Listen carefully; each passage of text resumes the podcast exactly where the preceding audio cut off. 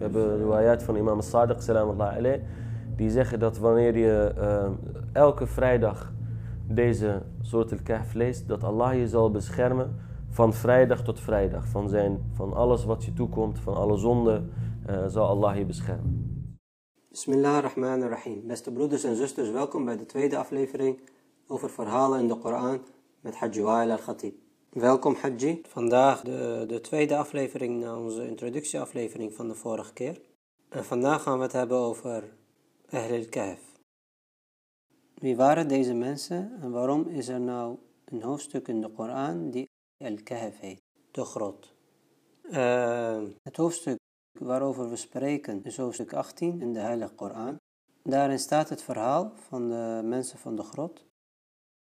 Blijkbaar is het een belangrijk verhaal, want in, uh, in vers 9 wordt gezegd, ik pak er even bij. Of denk jij, o Mohammed, dat de mensen van de grot en de inscriptie een wonder onder ons tekenen waren? Dus min ayatina staat er in de Heilige Koran. Wat houdt dat in? Wie waren deze mensen en waarom gingen ze de grot in? Of laten we beginnen met ja, wie waren deze mensen? Ja, als je de Koran leest in uh, Surat al-Kahf en je hebt net de vers 9 gelezen. Eh, als je vers 10 leest, ehm, dan staat erbij... Id awal fityatu ila al-kahf. Fitje betekent in het vrij vertaald jonge zielen. Ehm, het verhaal gaat dat Ahl al-Kahf waren niet jonge mensen... maar waren mensen van hoge aanzien. Ehm, waren mensen met heel veel uh, arbeid en heel veel invloed in de gemeenschap waarin ze woonden. ze waren heel erg actief. Um, het waren mensen die het goed hadden, die ook financieel goed hadden. Maar mensen met een moraal, mensen met een sterke wil om die moraal, die normen en waarden ook uit te dragen. Om ze ook daadwerkelijk ehm, de mensen zeg maar, daarmee te beïnvloeden. het waren mensen die geloofden in God, in de tawhid. En zij wilden dat ten koste van alles eigenlijk, wilden ze dat aan de mensen uitdragen. Um, in die gemeenschap waarin ze woonden, uh, was eigenlijk de, de aanbidding van beelden uh, gangbaar. En dat ging steeds door en door. En de mensen wilden zich, keerden zich eigenlijk tegen Ahl al-Kahf, tegen deze aantal mensen met goede normen en waarden. mensen die actief waren dus in de gemeenschap. Ze keerden zich tegen deze mensen, ondanks dat ze een bepaalde aanzien hadden binnen de gemeenschap. Um, ja, en totdat het dusdanig eigenlijk uit de hand liep, om het maar zo te noemen. Dat, ze, uh, dat die mensen, uh, dat al-Kahf uh, ja, gefrustreerd raakten, doordat er eigenlijk niet geluisterd werd naar ze. De mensen gingen door met het aanbidden van die afgoden, met beeldenissen, um, totdat ze eigenlijk de, ja, de weg niet meer wisten welke kant ze op moesten. Um, en toen hebben ze gezegd, laten we naar de Kahf gaan, toen ze onderling met elkaar aan het praten waren. En daar heb je Surat uh, Al-Kahf, vers 16. Ja. Als, je, als je die leest. وإذ اعتزلتموهم وما يعبدون إلا الله فأووا إلى الكهف ينشر لكم ربكم من رحمته ويهيئ لكم من أمركم مرفقا. ja, precies. Dus er staat letterlijk: zoek dan toevlucht in de grot. Dus Allah subhanahu wa ta'ala zegt tegen hen dat ze dus naar de grot... Nee, dat is niet Allah subhanahu wa ta'ala. Dat was een discussie tussen degene in Ahl uh, van Ahl Kahf. Dus diegene die, uh, de fitje waar we het over hebben, ja, onderling begonnen ze met elkaar te discussiëren. Wat kunnen we nu doen? Ja, wij willen heel graag dat de mensen het juiste pad volgen. We voelen ons vreemd in onze eigen gemeenschap. We voelen ons bevreemd door alle mensen die om ons heen zijn, die afgoden aanbidden, die de normen en waarden hebben verlaten. We voelen ons niet meer thuis in deze gemeenschap en we hebben ook geen invloed meer op deze gemeenschap. Wat moeten we nu doen? En toen hebben ze eigenlijk onderling besproken, laten we naar het grot gaan. Laten we daar naar het grot gaan, vluchten uit de mensen. En wij zijn zeker dat Allah subhanahu wa ta'ala van, voor deze situatie een oplossing voor ons zal vinden. En dat is de reden dat ze eigenlijk gevlucht zijn uit hun gemeenschap, de toevlucht naar de Kahf, ondanks hè, dat zij nogmaals rijk waren, een goede aanzien hadden, maar wat hun raakte was dat de normen en waarden waar ze voor staan, dat die volledig waren verbrijzeld door de gemeenschap waarin ze leefden. Oké, en dan was er ook nog iets met de locatie van die grot. Eh, dat, dat staat in de Heilige Koran in vers 17 het een en ander over. Ja, als, als je dat gaat lezen inderdaad, hè, dus ze vluchten naar de kahf, naar de grot. Ehm, en Allah subhanahu wa ta'ala geeft een hele gedetailleerde beschrijving eigenlijk van het grot. Uh, als je dat leest, وَتَرَى الشَّمْسِ إِذَا طَلَعَتْ تَزَاوَرُ عَنْ كَهْفِهِمْ ذَاتَ الْيَمِينَ Dat als de zon opkomt, dan bezoekt zij eigenlijk de graf. Hè? Dan gaat zij langs de, graf, uh, de grot sorry, van de rechterkant. Ja. En dan zegt hij, وَإِذَا غَرَبَتْ تَقْرِضُهُمْ ذَاتِ الشِّمَالِ En wanneer de zon ondergaat, dan verlaat zij hen vanuit de linkerkant. Allah subhanahu wa ta'ala geeft een gedetailleerd uh, plek, beschrijving van de grot, waar die, waar die eigenlijk gepositioneerd is. We weten dat je, de, de zon komt op in het oosten en daalt neer in het, in het westen. Als de zon opkomt uit de rechterkant en hij daalt naar de linkerkant, dan is de voorkant van de grot is het noorden. En waarom is dat zo belangrijk? Dat zal ik zo uitleggen, maar ik ga toch door. تقريضهم ذات الشمال وهم في فجوة منه. En zij zijn in een grote ruimte. Er is een grote ruimte om hen heen. Dus dat betekent dat ze eigenlijk in het midden of diep in dat grot zijn gekomen met veel ruimte om hem heen. En waarom geeft Allah subhanahu wa ta'ala deze beschrijving? Omdat het heel belangrijk is als wij het straks hebben over wat er nou gebeurde en, en, en ze sliepen en hoe lang ze sliepen, et cetera.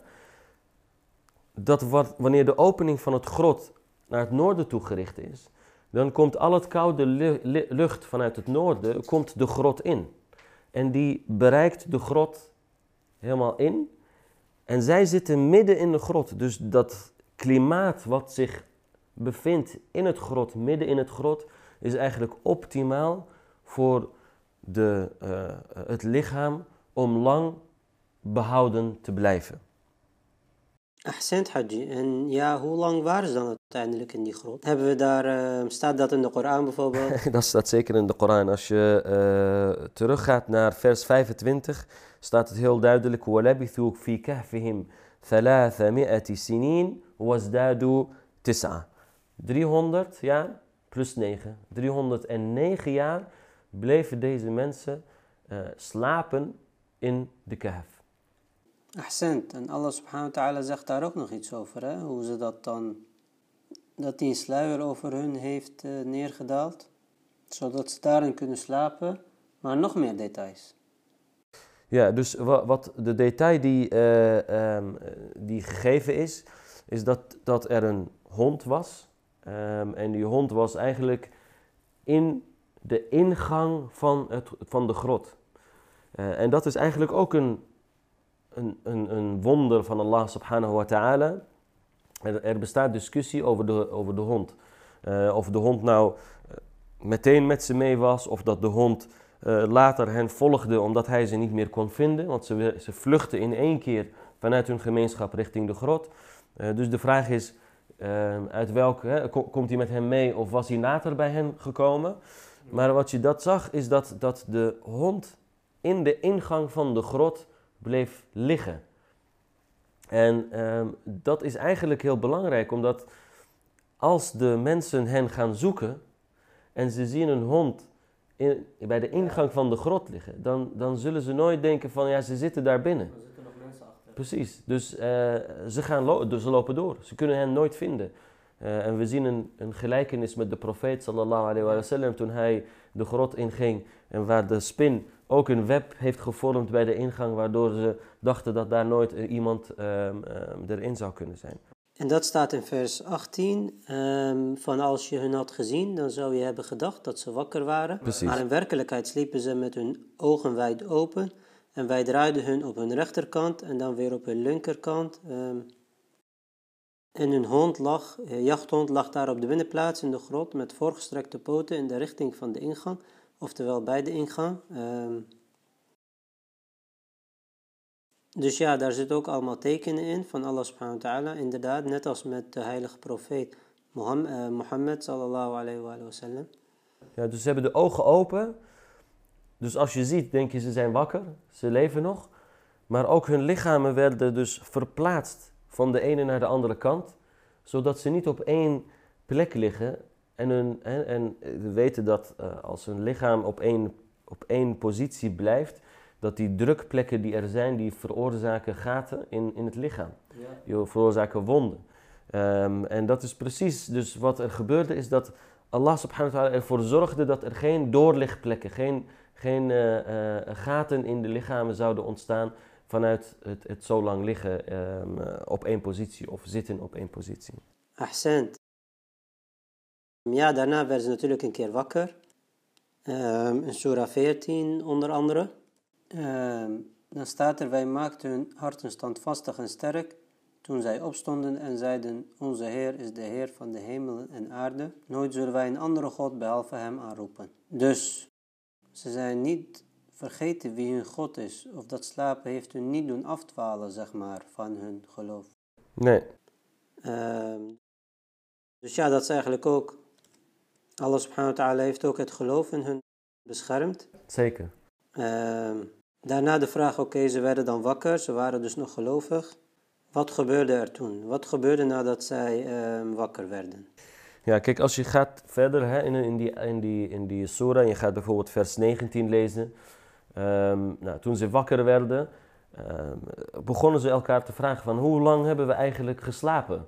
Uh, en de een zegt, nou, misschien een hele dag of een paar dagen of, of een onderdeel, een deel van een dag. Ja. Uh, en waarom een deel van de dag? En dat is ook iets wat, wat, uh, waar een, een bepaald um, um, uh, ja, wonder of, of, of, duidelijkheid in verschaft wordt, is dat ze sliepen waarschijnlijk vroeg in de ochtend, maar ze werden wakker laat in de avond. Dus ze hebben gezien dat, er, dat ze misschien wel dezelfde dag wakker zijn geworden. Nou, als je zo lang, na 309 jaar, dan heb je, uh, dan heb je wel een beetje honger, zeg maar. Dus zij worden wakker en het eerste wat ze bepraten, nou, hoe, hoe lang hebben we nou eigenlijk gelegen, joh? Dit is uh, verwarrend allemaal. Hoe kunnen we nou allemaal zo hebben geslapen en tegelijk wakker worden? Maar ja, we hebben honger. Dus we willen graag wat te eten. Dus wat er gebeurt is dat um, ze sturen twee mensen naar het volk waar ze vandaan komen, om daar eten te halen. Um, Want hier staat dus, stuur, dus um, in vers 19, stuur dus een van jullie met een zilveren munt naar de stad. En laat hem zien welke voedsel het beste is en laat hem daarvan wat naar jullie brengen. En laat hem voorzichtig zijn en laat niemand hem omtrent ons inlichten. Want in vers 20, als ze erachter komen wie jullie zijn, Zullen zij jullie stenigen of jullie doen terugkeren tot hun godsdienst en op die manier zullen jullie nooit slagen? Want ze zijn wakker geworden met het idee dat ze net zijn gaan slapen. Dus met het idee dat de volk nog steeds hen. Hen, hen afgunt en, en uh, de afgoden aanbidt. Uh, dus ze willen, ze willen ze niet. Dus ga daar naartoe, koop um, uh, azka ta'amen. En dat is ook een, een belangrijk iets ondanks in de situatie wat ze zitten, ze vragen aan diegene die gaat, breng ons de meest zuivere, de meest zuivere eten. Dus de meest halal eten. Breng ons voedsel wat halal is, wat goed is voor ons. Um, en dan, ja, ze waarschuwen natuurlijk, want als iemand ze her, hen herkent, dan is, is het probleem en dan komen ze op hun af en willen ze hen vermoorden, want dan weten ze waar ze zijn. Um, ze gaan daar naartoe. Um, ja, maar hij betaalt wel met het geld wat 309 jaar geleden nog was. Ja. Um, niet wetende dat dat natuurlijk al lang veranderd is. Dus hij koopt het, het, het, het voedsel, hij bestelt hè, en dan wil hij betalen. Hij geeft het geld en diegene die uh, het geld neemt, die zegt, wat is dit voor een rare munt? Um, dit heb ik nog nooit gezien. En wordt het wordt dus een soort, er ontstaat een soort chaos van waar kom je vandaan? Hoezo bedoel je waar kom ik vandaan? Ik, ik kom hier vandaan. Um, en de een vertelt de ander en ze zien en ze weten dan, dit is geld wat 309 jaar geleden nog was, hè? of 300 jaar geleden was. Erachter, lang... dus, en nu weten ze, er is, alle mensen die we kennen zijn doodgegaan, behalve die groep mensen die we kwijt zijn geraakt. Die ergens weg zijn gegaan waar we niet weten waar ze zijn. En ze leven weer. Dus op dat moment schrikt diegene van Ahl al-Kahf. We kennen hun namen niet, maar hij schrikt. En hij weet, oké, nu ben ik dus ontdekt. Nu weten ze wie ik ben. Nu willen ze mij vermoorden. En op dat moment sprint hij eigenlijk terug en vlucht hij van de mensen richting de Kahf. Ja, mooi. En is er dan um, afsluitend, zeg maar, welke lessen kunnen we dan um, hieruit nog trekken uit dit verhaal? Want eindigt het hiermee of is er, uh, weten we daarna nog meer? Nee, wat, wat er gebeurt is dat ze, ze gaan terug en op dat moment overlijden alle aanwezigen in de Kahf. Dus wanneer hij terugkomt, ja. dan overlijden ze. Dus ze kunnen hun verhaal eigenlijk niet vertellen. Hmm. Alleen de mensen die komen erachter dat hij dus naar de Kahf is gegaan. Ze gaan terug, naar, of ze gaan richting die grot. En ze vinden die mensen. Ah, uiteindelijk vinden ze hen. Ze vinden die mensen daar. En dan weten ze, dit is een wonder. Dit, dit zijn mensen waarvan we het verhaal kennen. Zij, hebben, hè, zij waren uh, tegen, de, tegen de goden van ons. Tegen de goden die wij aanbidden. En ze zijn gevlucht en ze zijn nooit meer gevonden. En wij dachten dat, hè, dat ze verbrand waren, dat ze een soort straf hebben gekregen. Maar wat blijkt, ze hebben al die tijd geleefd. En hun lichamen zijn beschermd. En toen begonnen de mensen, een deel van de mensen begon dus wel God te aanbidden. Um, en heeft alsnog, na hun dood, hebben ze alsnog mensen geleid naar het juiste pad. En op dat moment uh, verschillen de mensen. En eh, de een zegt van, ja, wat, dit, is, dit is een spel, dit is een magie. Uh, en anderen zeggen, nee, dit is, dit is een teken van God. En laten we een soort moskee, een gebedshuis maken op de plek waar wij ze gewoon gevonden hebben. Laten we hen daar begraven en over hun graf een gebedsplek maken waarin we ons richten tot de God van deze mensen. Subhanallah. En hebben we enig idee waar dat was? In welk gebied dat zich afspeelde en of uh, welke grot? Of, uh... Uh, nee, dat, dat weten we niet zeker. Het is niet bekend. We weten niet waar, waar die grot is, helaas. Maar ja, een prachtig verhaal van Ahl al-Kahf. Als ik me niet vergis, is het elke vrijdag aangeraden om Surat al-Kahf te reciteren. Zeker. We hebben de riwayat van imam al-Sadiq, salam Allah die zeggen dat wanneer je elke vrijdag deze soort al-Kahf leest, dat Allah je zal beschermen van vrijdag tot vrijdag. Van, zijn, van alles wat je toekomt, van alle zonden, uh, zal Allah je beschermen. Subhanallah. Dus ja, nu beste broeders en zusters, weten jullie waar hoofdstuk 18 al-Kahf, waar hij naar vernoemd is, naar welke volk en wat ze mee hebben gemaakt.